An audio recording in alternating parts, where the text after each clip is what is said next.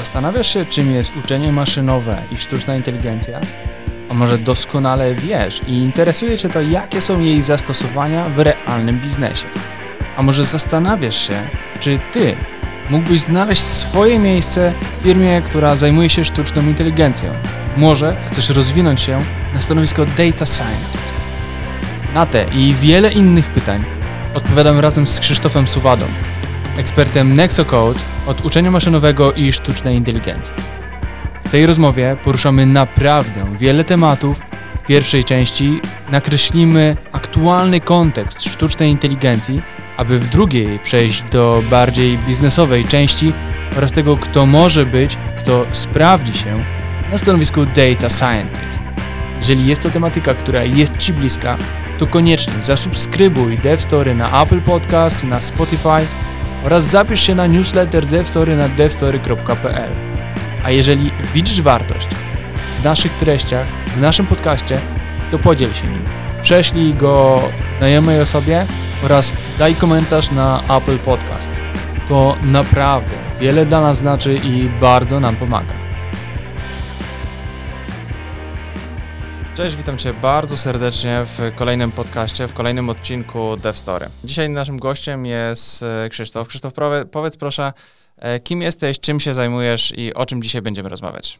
Cześć, ja jestem matematykiem, w sumie tak o sobie myślę, e, natomiast od ładnych paru lat pracuję na stanowisku, które się nazywa Data Scientist, czyli ogólnie rzecz biorąc grzebie w danych. Staram się przy pomocy mniej lub bardziej klasycznych metod wyciągnąć z tych danych coś, co będzie użyteczne.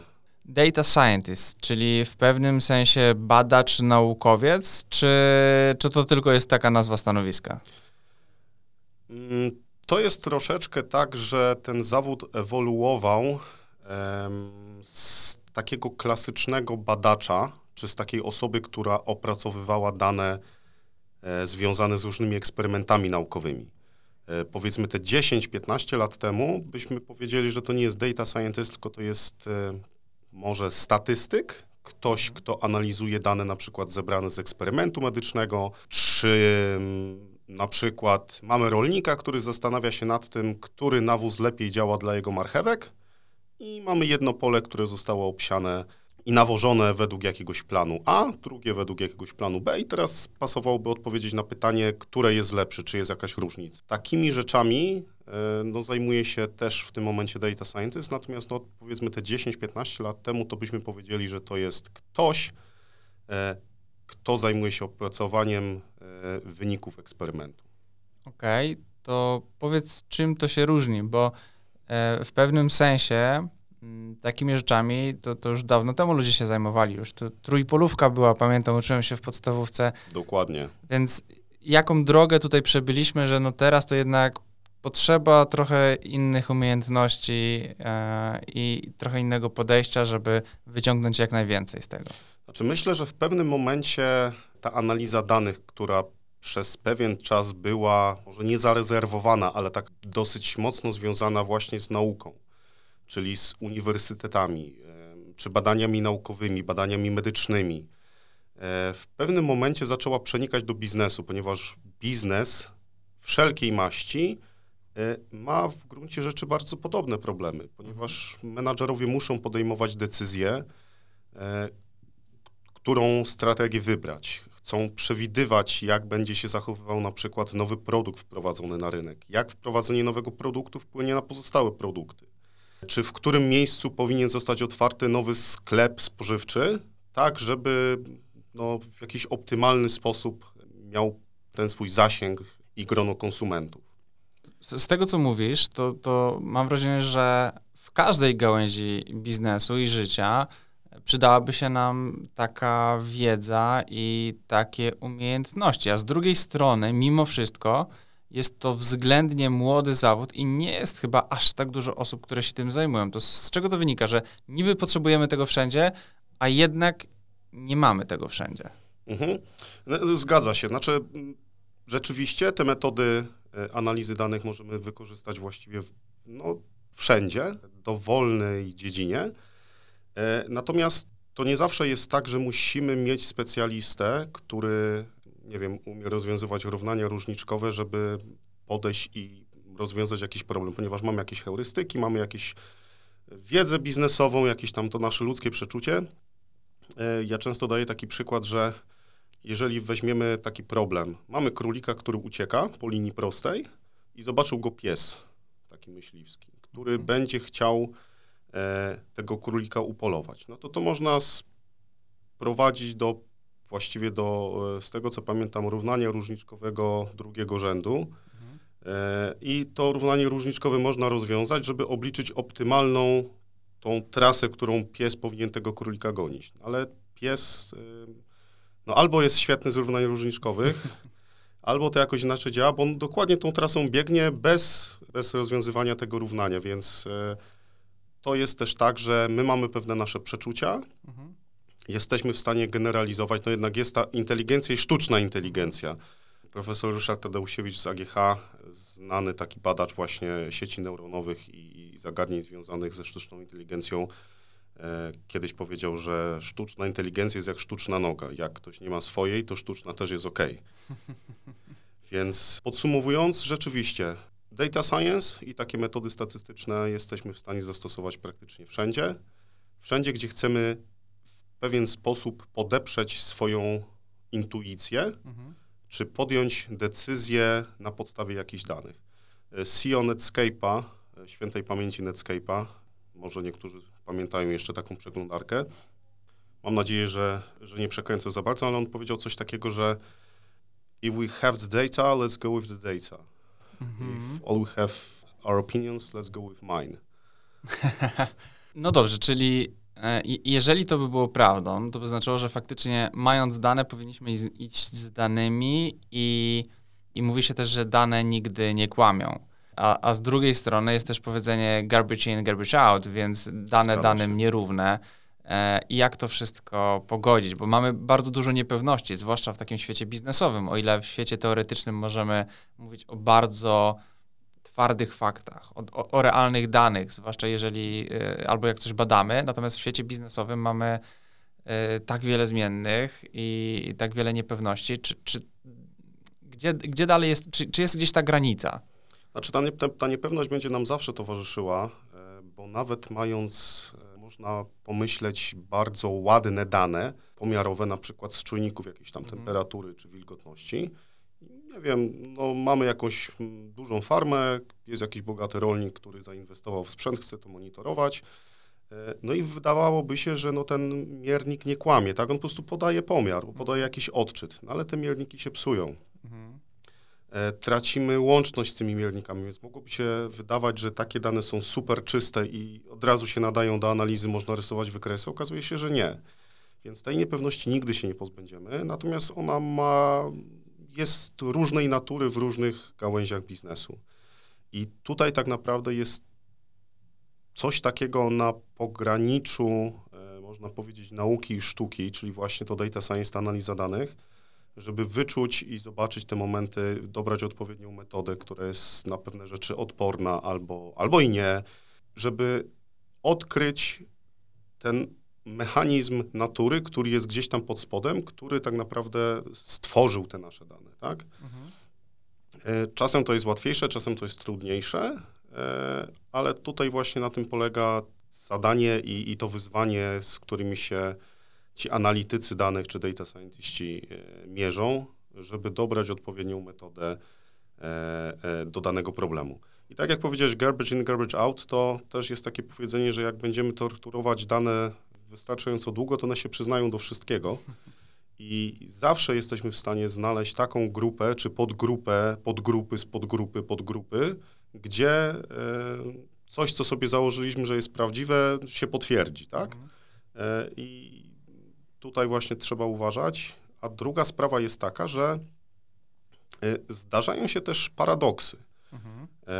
Wydawałoby się, że im więcej danych, tym lepiej, tak? Mhm. Wszyscy mówią, że big data, e, miliony, miliardy wierszy, zdjęć, rekordów, nagrań itd., itd. E, Ale też trzeba pamiętać właśnie, że tam gdzieś pod spodem jest ta matematyka. Jest, nie wiem, no ta zwykła suma, albo średnia arytmetyczna, albo jeszcze coś innego. I jest coś takiego, co się nazywa paradoksem Simpsona. polecam, e, żeby sobie zobaczyć. I ten paradoks Simpsona w skrócie polega na tym, że mamy dwa szpitale. Oba szpitale leczą ludzi, oba szpitale leczą i kobiety, i mężczyzn. I jak zrobimy sobie tam taką statystykę, to się okazuje, że szpital A lepiej leczy kobiety niż szpital B, Mhm. tak samo lepiej leczy mężczyzn. Natomiast szpital B lepiej leczy ludzi. Jeżeli byśmy robimy statystykę w podgrupach, to wychodzi, że zwycięzcą jest szpital A. Jeżeli nie zrobimy podziału na grupy, wychodzi, że zwycięzcą jest, czy powiedzmy lepiej leczy ludzi szpital B. Jak to możliwe?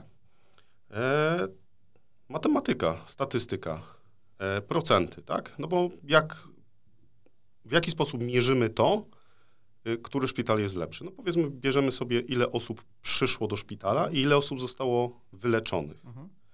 I można tak dobrać e, te wielkości, y, że podgrupach te procenty, czy powiedzmy ta, ta, ta, ta, ta, ta liczność e, względna, czyli właśnie ta procent, proc- procenty em, wyleczonych kobiet i mężczyzn będą wyższe w przypadku szpitalu A. Natomiast jeżeli sumujemy te dane, to wychodzi, że zwycięzcą czy lepszym jest ten szpital B. I, i taka, taka zależność jest e, w wielu sytuacjach, nie tylko w przypadku takich prostych liczb. To możemy też nawet podać przykład na przykład regresji czy różnych innych algorytmów, że może się tak okazać, że mm, co w, dlatego się to nazywa paradoksem, że to jest wbrew intuicji, że może się okazać, że zależność w całej populacji jest inna niż w każdej z podgrup. To bardzo ciekawe. Ja z- wielką chęcią sam o tym poczytam, bo, bo na pewno jest to niesamowicie ciekawe, ale jednocześnie właśnie wspomniałeś o tym, że intuicja może nas trochę zawodzić, a z drugiej strony zaczęliśmy od tego, że pies gończy, mimo że różniczkować y, nie umie, to pobiegnie idealną trasą, czyli gdzieś tam ta wewnętrzna intuicja psia przynajmniej istnieje, to jak to pogodzić i w którym momencie powinniśmy uznać, że to już nie jest miejsce dla intuicji, a dobrze byłoby dla danych, a z drugiej strony, i to, byłaby druga część pytania, skąd osoba, która się tym zajmuje, ma wiedzieć, czy to jest ten moment, w którym, w którym musi wejść głębiej z matematyką? Czy, czy, czy, czy da się to jakoś powiedzieć, czy po prostu zawsze powinna wejść z matematyką, zawsze powinna szukać tej, e, tego underlying cost, czy, a z drugiej strony, bo, bo też wiem, że to bardzo przydługie pytanie, ale jakby odnoszę się do kilku rzeczy, o których mówiłeś. Powiedziałeś też, że jak bardzo głęboko pomęczymy dane, bardzo mocno, to znajdziemy to potwierdzenie. Więc jak to wszystko pogodzić? No to jest bardzo dobre pytanie.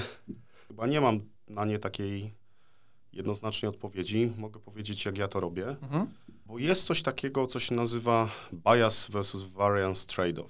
Czyli zawsze mamy tam, tworząc jakiś model, możemy stworzyć ten model, który będzie mieć więcej parametrów, będzie mieć wtedy, będzie lepiej dopasowany do tych danych, będzie mieć mniejszy błąd, ale z kolei też możemy mieć e, taki model, który w pewien sposób jest obciążony jakimś błędem e, już na samym początku.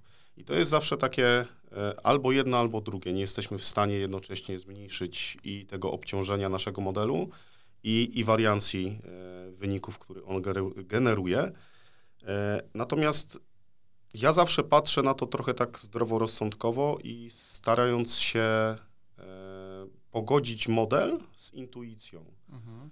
E, Zwłaszcza, że bardzo często mamy jakiś, jakąś wiedzę biznesową, jak pewne rzeczy powinny działać.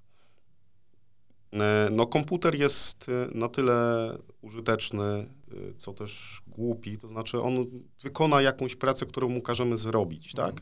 I zawsze trzeba brać pod uwagę to, że to jednak komputer nie rozumie tego problemu, to są tylko cyferki. Mhm. I pod spodem jest ta matematyka, ten problem jest w jakiś tam sposób matematycznie zdefiniowany i jeżeli on ma rozwiązanie, ten, to rozwiązanie zostanie znalezione.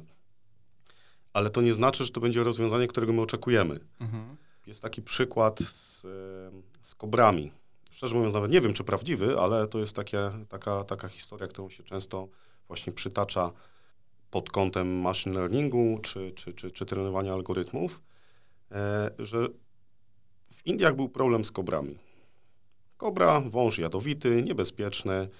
Fajnie by było, gdyby ta populacja tych e, węży jednak troszeczkę się zmniejszyła, więc rząd wpadł na pomysł, że będzie wypłacał nagrodę za każdą złapaną kobrę. No ale ludzie głupi nie są i zamiast łazić gdzieś tam e, po lesie i ryzykować życie, łapiąc kobry takie, które żyją dziko, zaczęli te kobry rozmnażać i hodować. E, Rząd się zorientował, więc program został zamknięty. No, co zrobili ludzie? Wypuścili te kobry na wolność, więc efekt był taki, że populacja wzrosła zamiast zmaleć. No, dokładnie tak samo jest z algorytmami. On, algorytmy czy, czy, czy, czy jakieś podejście machine learningowe nie rozwiąże naszego problemu, nie da nam tego, co my chcemy, tylko to, co zostanie poproszony ten komputer. A powiedz, bo to jest jeszcze też coś, co mnie bardzo ciekawi, w związku z tym, że to jest taki obszar, który się bardzo dynamicznie rozwija, zwłaszcza w ostatnich latach. E, Takie ja mam wrażenie, może wcześniej też się bardzo szybko rozwijał, ale ja jakoś to widzę bardziej teraz. E, Czy to jest związane mm, z tym bardziej, że jest więcej potencjalnych możliwości, widzimy więcej możliwości zastosowań, czy bardziej z możliwością obliczeniową komputerów? Jak, jak to jest według Ciebie? Myślę, że jedno i drugie, dlatego że możliwości obliczeniowe to jest jedna rzecz. E, Kiedyś no, te metody statystyczne też były tworzone pod takim kątem, że trzeba było to jednak policzyć na kartce papieru. Próba, która miała, nie wiem, 100 elementów albo 200, to już była uznawana za dużą. E, Teraz jak mamy 200 milionów, to na nikim to nie robi wrażenia specjalnie. Więc na pewno komputery i możliwości obliczeniowe nam pomogły. Na pewno pomogły karty graficzne, które dzięki nim tak naprawdę mamy w tym momencie wszystkie te metody deep learningowe, czyli związane z przetwarzaniem języka naturalnego, czy, czy computer vision, czy e, to, że możemy powiedzieć hey Google albo hey Siri i, i, i Siri, czy, czy, czy asystent Google'a coś tam za nas zrobi. To jest jedna rzecz. Natomiast z drugiej strony od jakiegoś czasu biznes i firmy też szukały właśnie jakiejś, można powiedzieć trochę tak kolokwialnie, podkładki pod swoje decyzje. I jest takie, takie określenie data-driven. Czy my jesteśmy data-driven, czy nie? Czy te dane w jakiś sposób wpływają na nasze decyzje, czy nie wpływają? No i pewnie może być ktoś, kto ma, nie wiem, charyzmę i, i wizję Steve'a Jobsa i on po prostu powie, dobra, robimy tak, ten przycisk ma być zielony, tutaj dajemy obrazek, a ta reklama ma się więcej nie pokazywać. I to jest super, natomiast e, no, ilu takich ludzi jest na świecie? Podejrzewam, że niewielu. E, I, i, I musimy jakoś sobie z tym radzić, więc skoro można e, wspomóc się tutaj nawet prostymi metodami statystycznymi, czemu nie? Okej, no ja myślę, że też wiele daje to, że my jako ludzie coraz chętniej się dzielimy danymi różnymi. E, Pojawia się dużo więcej po prostu dostępnych danych odnośnie naszych zachowań, odnośnie tego, co robimy, odnośnie tego, co robimy w sieci, jak żyjemy. Pojawiają się różne trackery i tak dalej, więc całe takie, cały taki obszar rośnie, ale z drugiej strony zastanawiam się też, gdzie w tym momencie jest sufit? To znaczy, co jest możliwe? Bo co, co trochę słyszymy o jakichś możliwościach. Pojawił się nowy algorytm, który analizuje język, a i można, dzięki temu pojawiły się jakieś rozwiązania generujące artykuły na podstawie kilku fraz czy kilku słów. Po polsku to nie działa, chociaż po angielsku czasami coś potrafi wypluć względnie sensownego. Jest wiele różnych możliwości. Tak samo teraz dosyć niedawno, e, dosyć głośno się zrobiło w, o tym, że e, sztuczna inteligen- inteligencja może tworzyć bardzo ciekawe e, obrazy za pomocą kilku nadanych im słów. E, gdzie jest sufit według Ciebie dzisiaj? Co jest możliwe, a co jeszcze nie jest możliwe, a może będzie niedługo? E, No my cały czas mówimy o tym, że to jest sztuczna inteligencja, natomiast to jest wszystkie te algorytmy, które są, to nie jest taka inteligencja w rozumieniu e, takim potocznym tego słowa. To znaczy ten komputer nie jest inteligentny. To jest algorytm, który został wytrenowany w jakimś jednym konkretnym celu. No w przypadku tych modeli, powiedzmy GPT-3 czy e, związanych z NLP, no to powiedzmy tych mm, zastosowań, których ten model był przygotowywany czy trenowany jest więcej niż jedno, tak? Natomiast to w dalszym ciągu jest jakiś jeden wycinek, jakiś obszar. To nad czym w tym momencie toczą się prace i to, co my chcielibyśmy osiągnąć, e, no to jest ta właśnie ta sztuczna inte- inteligencja, ale inteligencja, która jest w stanie rozwiązywać różne problemy naraz. Czyli i rozpozna, czy to jest kotek, czy piesek, i odpowie na pytanie, i będzie w stanie na przykład zgasić światło, jak e, nie wiem, w stanie słońce.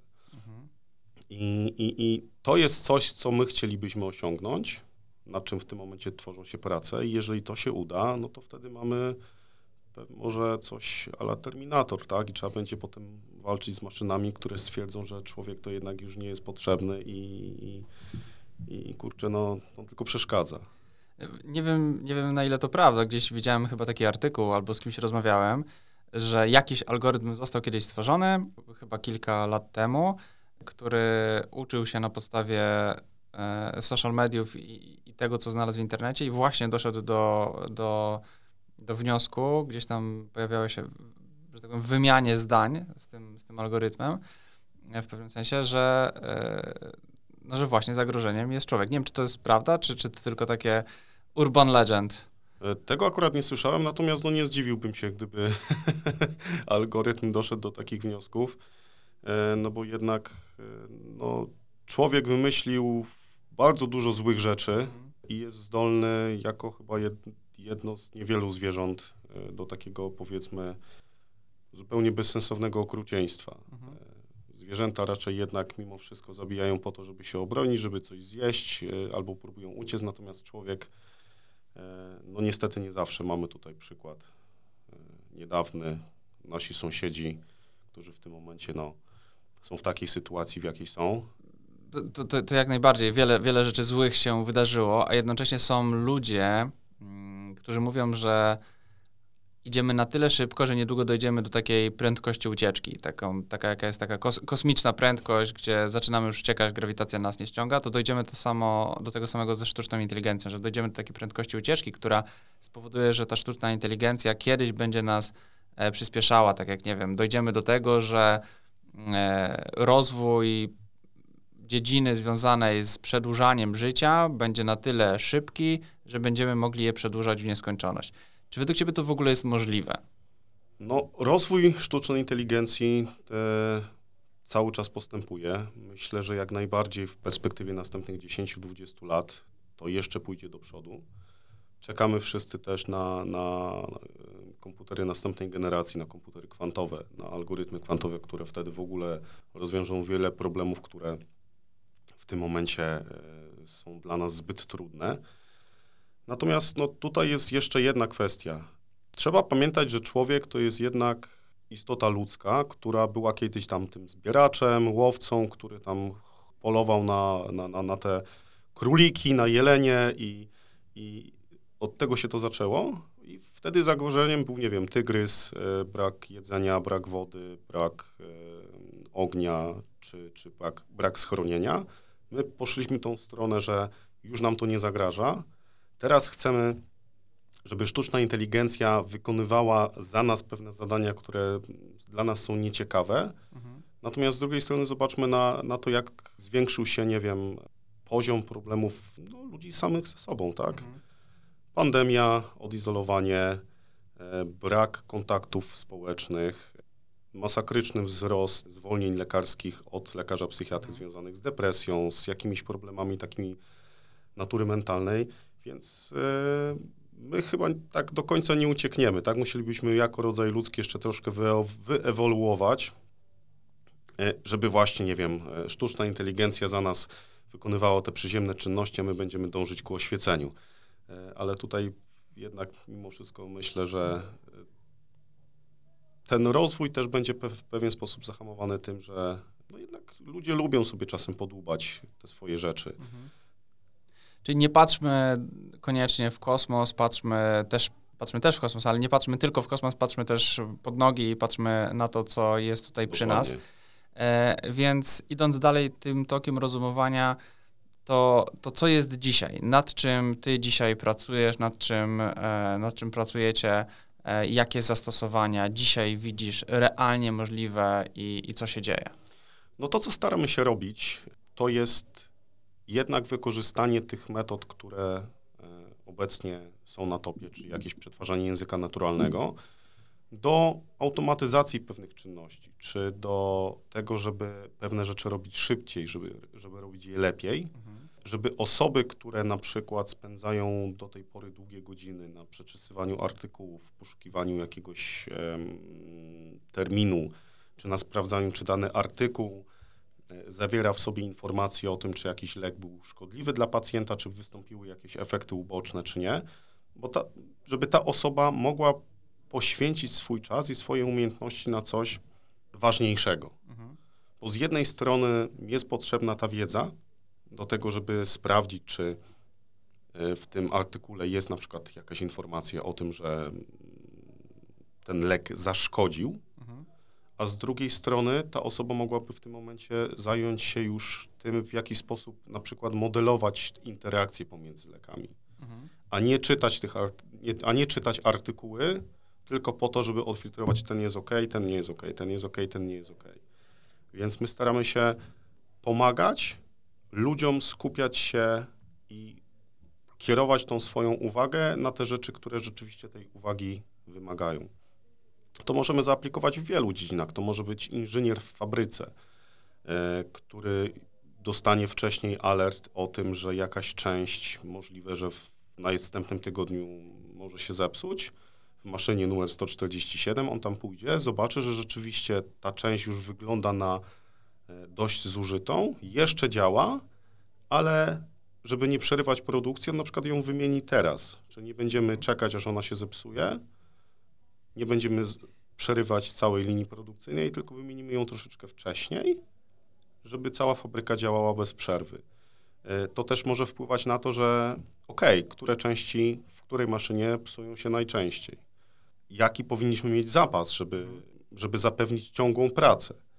Czy to będzie fabryka, czy to będzie elektrownia, czy to będzie jakiś zakład inny produkcyjny, to w każdym z tych, w każdej z tych dziedzin e, no, takie pytania się pojawiają.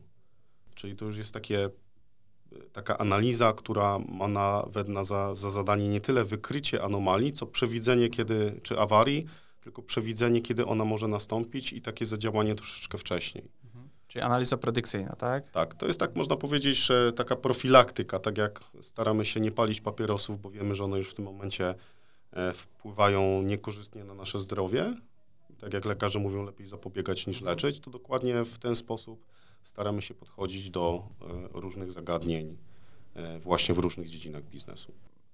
Tak jak powiedziałeś o tych, e, o tych papierosach, mi się otworzyły chwilę, chwilę wcześniej takie klapki w głowie, jak niesamowite będzie, jak kiedyś będziemy mogli zbadać kilka kropli krwi, kilka parametrów podstawowych naszego, naszego organizmu, które nam powiedzą, no dzisiaj nie czujesz się wystarczająco dobrze, dzisiaj zadbaj o XYZ i dzięki temu nie zachorujesz za tydzień. Pewnie, pewnie już ta praca się wykonuje i pewnie niedługo będą takie, mniej lub bardziej niedługo takie możliwości, e, ale, ale to będzie niesamowite na pewno. A idąc dalej tym tropem takich realnych możliwości i tego, nad czym e, pracujecie, co jest, mm, co jest największym wyzwaniem w takich sytuacjach, w takich e, problemach i w takiej pracy? No wyzwań jest kilka. Po pierwsze, w wielu sytuacjach trzeba wejść troszeczkę w buty tego naszego klienta, czyli to, co jest fajne, ale jednocześnie trudne, to jest to, że pracując z różnymi klientami z różnych branż, z różnych obszarów, e, mamy do czynienia z różnymi problemami. To nie są nigdy dwa takie same, dokładnie takie same problemy, nawet jeżeli to jest podobna branża czy, e, czy klient o podobnym profilu. Więc tutaj dużo rzeczy można się nauczyć, dowiedzieć o świecie. E, Ja kiedyś pracowałem w, w jednej firmie i robiliśmy analizy e, związane z walcowaniem stali. Tak, tutaj w Hucie e, w Krakowie, w ArcelorMittal. Więc no, myślę, że nie każdy miał okazję wejść do huty i zobaczyć, jak tam się walcuje stal, e, a tutaj takie możliwości się, się zdarzają. Więc to jest na pewno i trudne, i fajne. Druga rzecz, która jest, która na pewno jest czymś, co może nie zawsze jest przyjemne, to jest właśnie to grzebanie w tych danych, bo te dane nigdy nie są idealne, zawsze trzeba je przygotować. Nawet pomimo tego, że mamy teraz niewiarygodne możliwości, deep learning, sieci neuronowe, miliardy parametrów, to tak jak powiedziałeś, garbage in, garbage out. Więc nie można oczekiwać, że jak wrzucimy tam byle co, to nagle w magiczny sposób e, od, odkryjemy świętego grala i, i, i będziemy wiedzieć wszystko o tym, przewidywać pogodę i w ogóle ruchy na giełdzie, tak? Więc tutaj niestety trzeba troszeczkę czasem porzeźbić w tych danych i porobić takie, wydawałoby się, bardzo proste rzeczy, czyli nie wiem, jakiś tam histogram, jakiś tam tabelka częstości. Kurczę, no gdzie ten machine learning, gdzie ta sztuczna inteligencja, jak my tutaj liczymy, ile tam razy tam, nie wiem, to jabłko, czy tam ta gruszka e, nam na tej e, taśmie produkcyjnej e, się przewinęła, tak? No okej, ale no od tego się zaczyna, więc od takich prostych rzeczy staramy się komplikować te modele. E, No i też dzięki temu poznajemy te dane. Dzięki temu jesteśmy w stanie odpowiednio dobrać i metody, e, i wiedzieć, wiemy wtedy, jak mierzyć jakość takich modeli, jak mierzyć jakość naszej pracy. No bo może ta nasza praca i te dziesiątki tysięcy wydane na taki team machine learningowy, to można byłoby jednak inaczej jakoś spożytkować. E, Jest taka historia, też właśnie troszkę jak Urban Legend, że w pewnej fabryce e, pasty do zębów był problem, że e, niektóre tubki pasty mm, okazywały się puste, więc klienci byli zdenerwowani i wiadomo, to jest złe dla firmy. No więc zarząd i główny technolog spowołali komisję. Komisja przyszła, zbadała sprawę. Zostało, zostało zaprojektowane rozwiązanie z czujnikami laserowymi, nielaserowymi. Kosmiczna technologia, milion dolarów wdrożenie, e, które ostrzegało o tym, że e, tubka z pastą jest pusta, zatrzymywało to linię produkcyjną, trzeba było tam tą tubkę usunąć, czy coś tam zrobić i, i można było pracować dalej. Wszyscy zadowoleni, oczywiście problem udało się rozwiązać.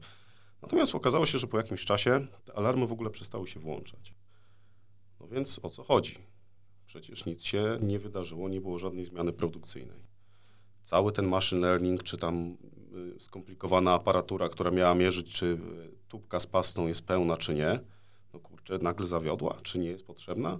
Okazało się, że przyszedł nowy praktykant, którego strasznie wkurzało te alarmy, które się włączały co jakiś czas, więc on na taśmie produkcyjnej, po której jechały e, te tubki z pastą, postawił taki mocny wentylator i za tym wentylatorem kawałek po prostu karton. I te puste tubki były na tyle lekkie, że one były spychane przez ten wiatrak do tego pudełka. Więc nie zawsze rozwiązanie, które jest super skomplikowane i wykorzystuje nie wiadomo jakie algorytmy i kosztuje miliony dolarów, e, jest tym rozwiązaniem, które, które e, potrzebujemy, czy które, którego szukamy. Fajnie, że o tym mówisz i mm, to, że warto zacząć od czegoś prostszego, warto zacząć od tego, co ma szansę rozwiązać nam problem, a nie szukać od razu najbardziej skomplikowanych rozwiązań. Ale z drugiej strony musimy mieć świadomość tego, co jest możliwe, co możemy zrobić, żeby w ogóle być w stanie zacząć.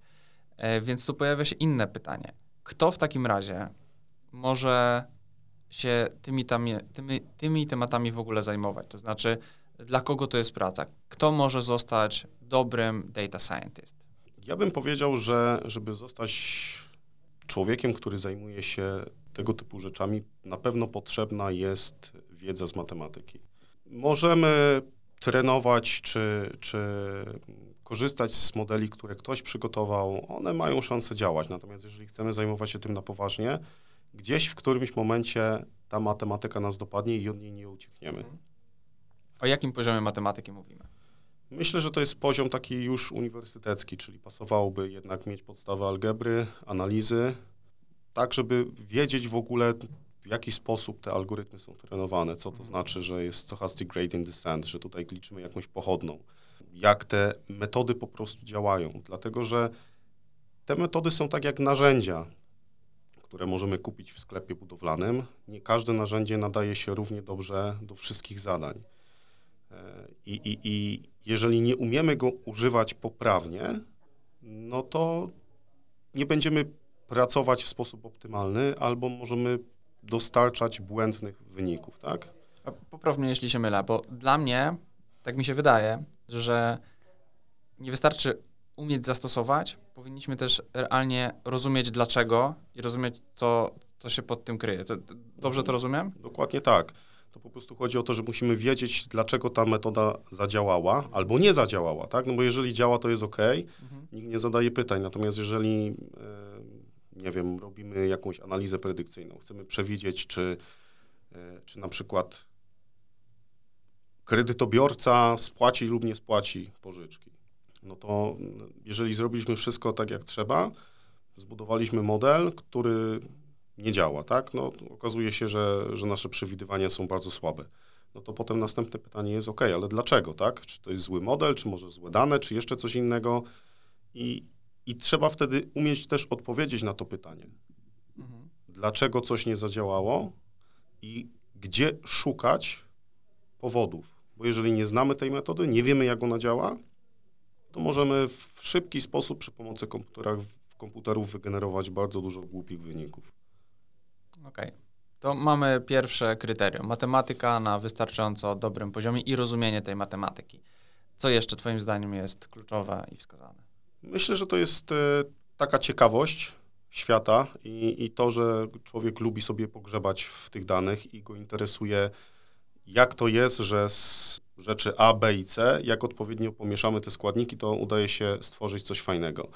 Więc to jest na pewno coś takiego, co, co jest przydatne, czyli taka umiejętność pracy z liczbami i chęć do tego, żeby z tymi liczbami pracować, no to jednak nie jest to samo, co human resources i praca z ludźmi, tak? Tutaj się niestety czasem trzeba troszeczkę podłubać w tych, w tych tabelkach i, i w bazie danych.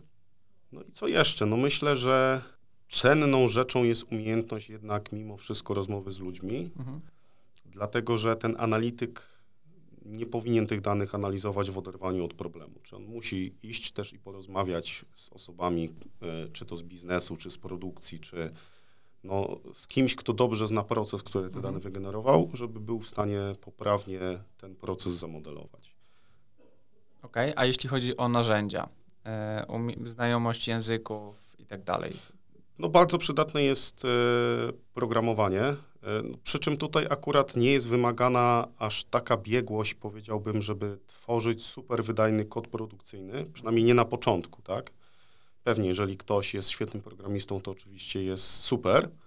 E, też wielu programistów właśnie przerzuca się na tą ścieżkę kariery data science, ponieważ mają oni już warsztat programistyczny, mają przygotowanie matematyczne, mają umysł analityczny. Mhm są w stanie pracować z danymi, no i jedyne, czego im brakuje, to połączenie tych kilku elementów w jedną całość, tak? Mhm.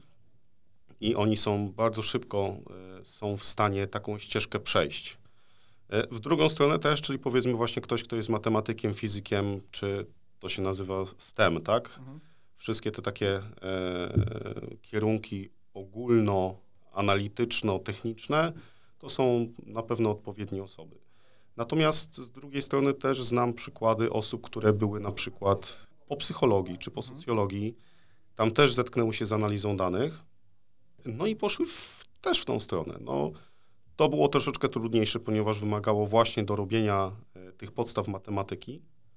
E, natomiast to jest jak najbardziej do zrobienia, jeżeli ma się odpowiednią osobę, takiego powiedzmy mentora, albo nawet e, samemu można przy pomocy książek, w tym momencie tutoriali na YouTubie, wiele, wiele rzeczy, wiele rzeczy się nauczyć. Okej, okay, czyli matematyka, ciekawość świata, umiejętność rozmawiania z ludźmi, podstawowe narzędzia, to warto byłoby to wszystko połączyć. A jeśli chodzi o narzędzia, języki programowania, są jakieś e, konkretne, które są bardziej, mniej wskazane? Python, R to są takie, te się kojarzą chyba z, najbardziej, czy, czy jest coś jeszcze? Tak, natomiast no, programowanie w metodach data science yy, nie jest tak skomplikowane, można by powiedzieć, jak programowanie systemów backendowych czy, czy, czy frontendu. To programowanie jest bardziej związane z tym, że my tworzymy jakiś program, który te dane przetwarza.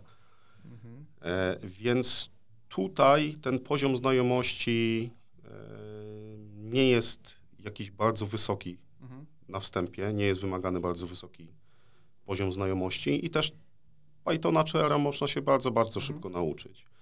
Pewnie, jeżeli ktoś jeszcze zna C++ i na przykład jest w stanie programować w C, e, no to super, tak? Bo tak naprawdę gdzieś tam pod spodem e, te najbardziej wydajne biblioteki, no co są napisane w C++ mhm. czy w C. Natomiast y, można spokojnie przez wiele lat pozostać na tym poziomie, powiedzmy, użytkownika i nie wchodzić aż tak nisko, żeby robić optymalizację numeryczną jakiegoś algorytmu. Mhm. Powoli zbliżając się do końca E, jeżeli mamy osobę, która zbierze te wszystkie elementy, czy są jeszcze jakieś cechy może osobowości, które według Ciebie są istotne, poza ciekawością, o której wspomniałeś, które sprawią, że to będzie dobra ścieżka dla kogoś i ktoś będzie się w niej dobrze rozwijał, dobrze czuł i mm, no, będzie też faktycznie e, później mógł być efektywny na, w takiej roli? Ja bym powiedział, że to jest, e, jeżeli chodzi o cechę charakteru, to jest taka troszeczkę może nieustępliwość, tak? E, bo jednak tworząc te algorytmy bardzo, bardzo rzadko zdarza się, że za pierwszym razem nam się uda zbudować coś, co e, zadziała w 100%, albo powiedzmy tam będzie mieć skuteczność 99%. Jeżeli ma, no to powinniśmy się e, głęboko zastanowić, gdzie zrobiliśmy błąd, tak? Więc tutaj trzeba takiej, może o, może cierpliwości, tak? Żeby na spokojnie podchodzić do tego tematu i być przygotowanym na to, że będziemy jednak iteracyjnie poprawiać, poprawiać, poprawiać, poprawiać i poprawiać. Mówi się, że programista to jest jedyny zawód, w którym e, się płaci człowiekowi za poprawianie błędów, które sam zrobił, tak? Więc tutaj jest troszeczkę e, może inaczej, ale podobnie, czyli zaczynamy tworzyć jakiś model, widzimy, że on nie do końca działa i potem się zastanawiamy, co możemy zrobić lepiej jakiej metody użyć, może coś podmienić, może jakaś inna transformacja, może poszukać jeszcze innego źródła tych danych. Więc tutaj trzeba mieć też cierpliwość do tego, żeby, y, żeby te dane modelować, no i nie oczekiwać wyników od razu. Super.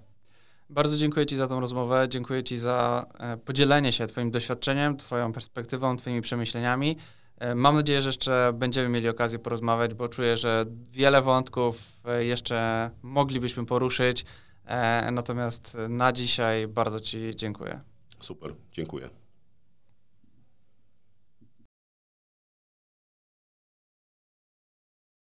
Bardzo dziękuję Ci za wysłuchanie naszej rozmowy.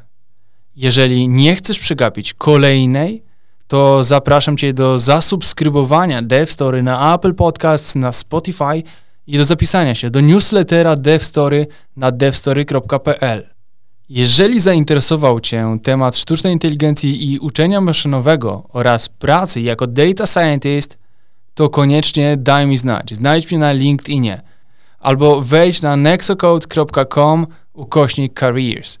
Aktualnie poszukujemy nie tylko Angular, oraz Kotlin deweloperów, ale właśnie data scientist, czyli osoby, która razem z Krzysztofem będzie budowała zespół data w Nexocode.